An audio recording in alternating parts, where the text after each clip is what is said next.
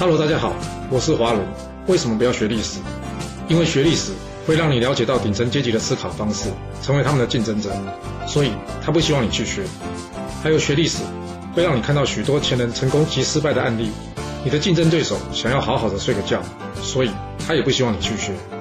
最重要的是，学历史会让你了解人性，你的老板以及同事都希望你保持天真的心，所以他们更不希望你去学。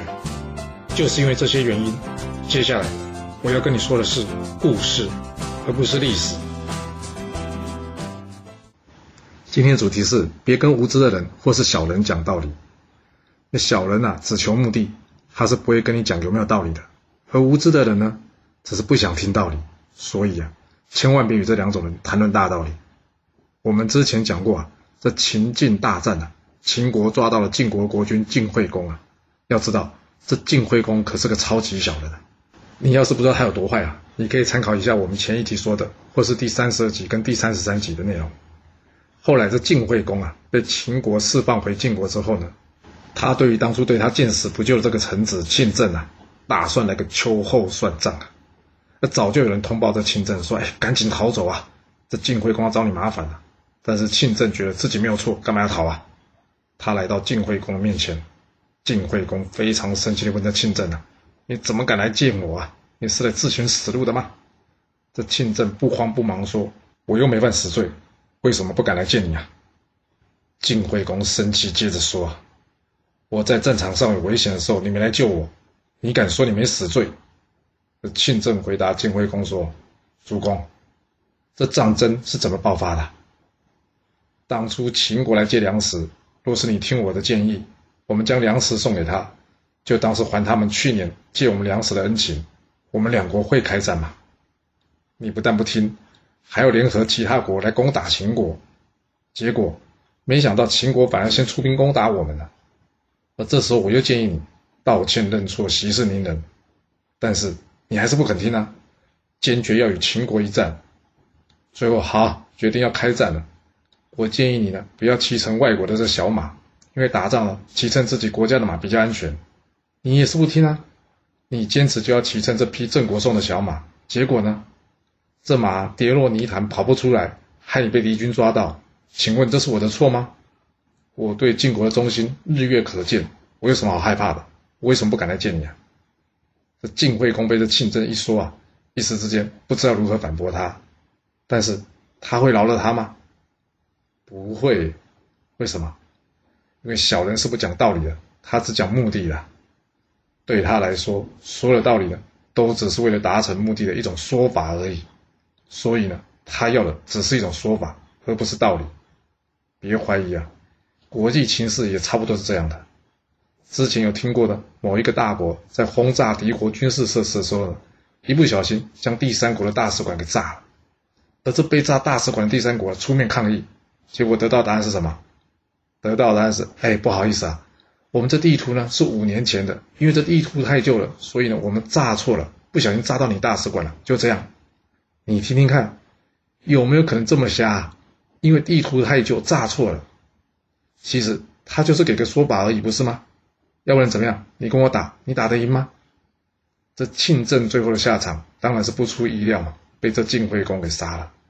所以说呢，千万不要以为可以跟小人讲道理。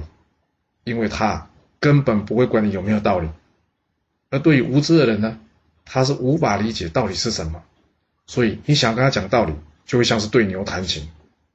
你若是知道春秋时宋襄公想要称霸的过程，你就会很清楚了。他底下的大臣呢，一直在劝他，宋国啊，国力不够，人才不够，而且天然的地势也不够险要，不可能像齐国齐桓公一样去称霸。他听不下去。而他大会诸侯时候，有人迟到，他要杀了对方，树立威严。他底下大臣又建议他不要因为小事惩罚诸侯，但是他还是听不下去。接着呢，他打算杀了诸侯国君，祭祀神明，来讨好这个外族。底下的大臣认为这样举动呢，不但无法得到外族的支持，反而会引来中原诸侯的反弹。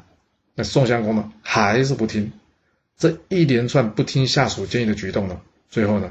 让宋襄公怎么样被楚国给抓了？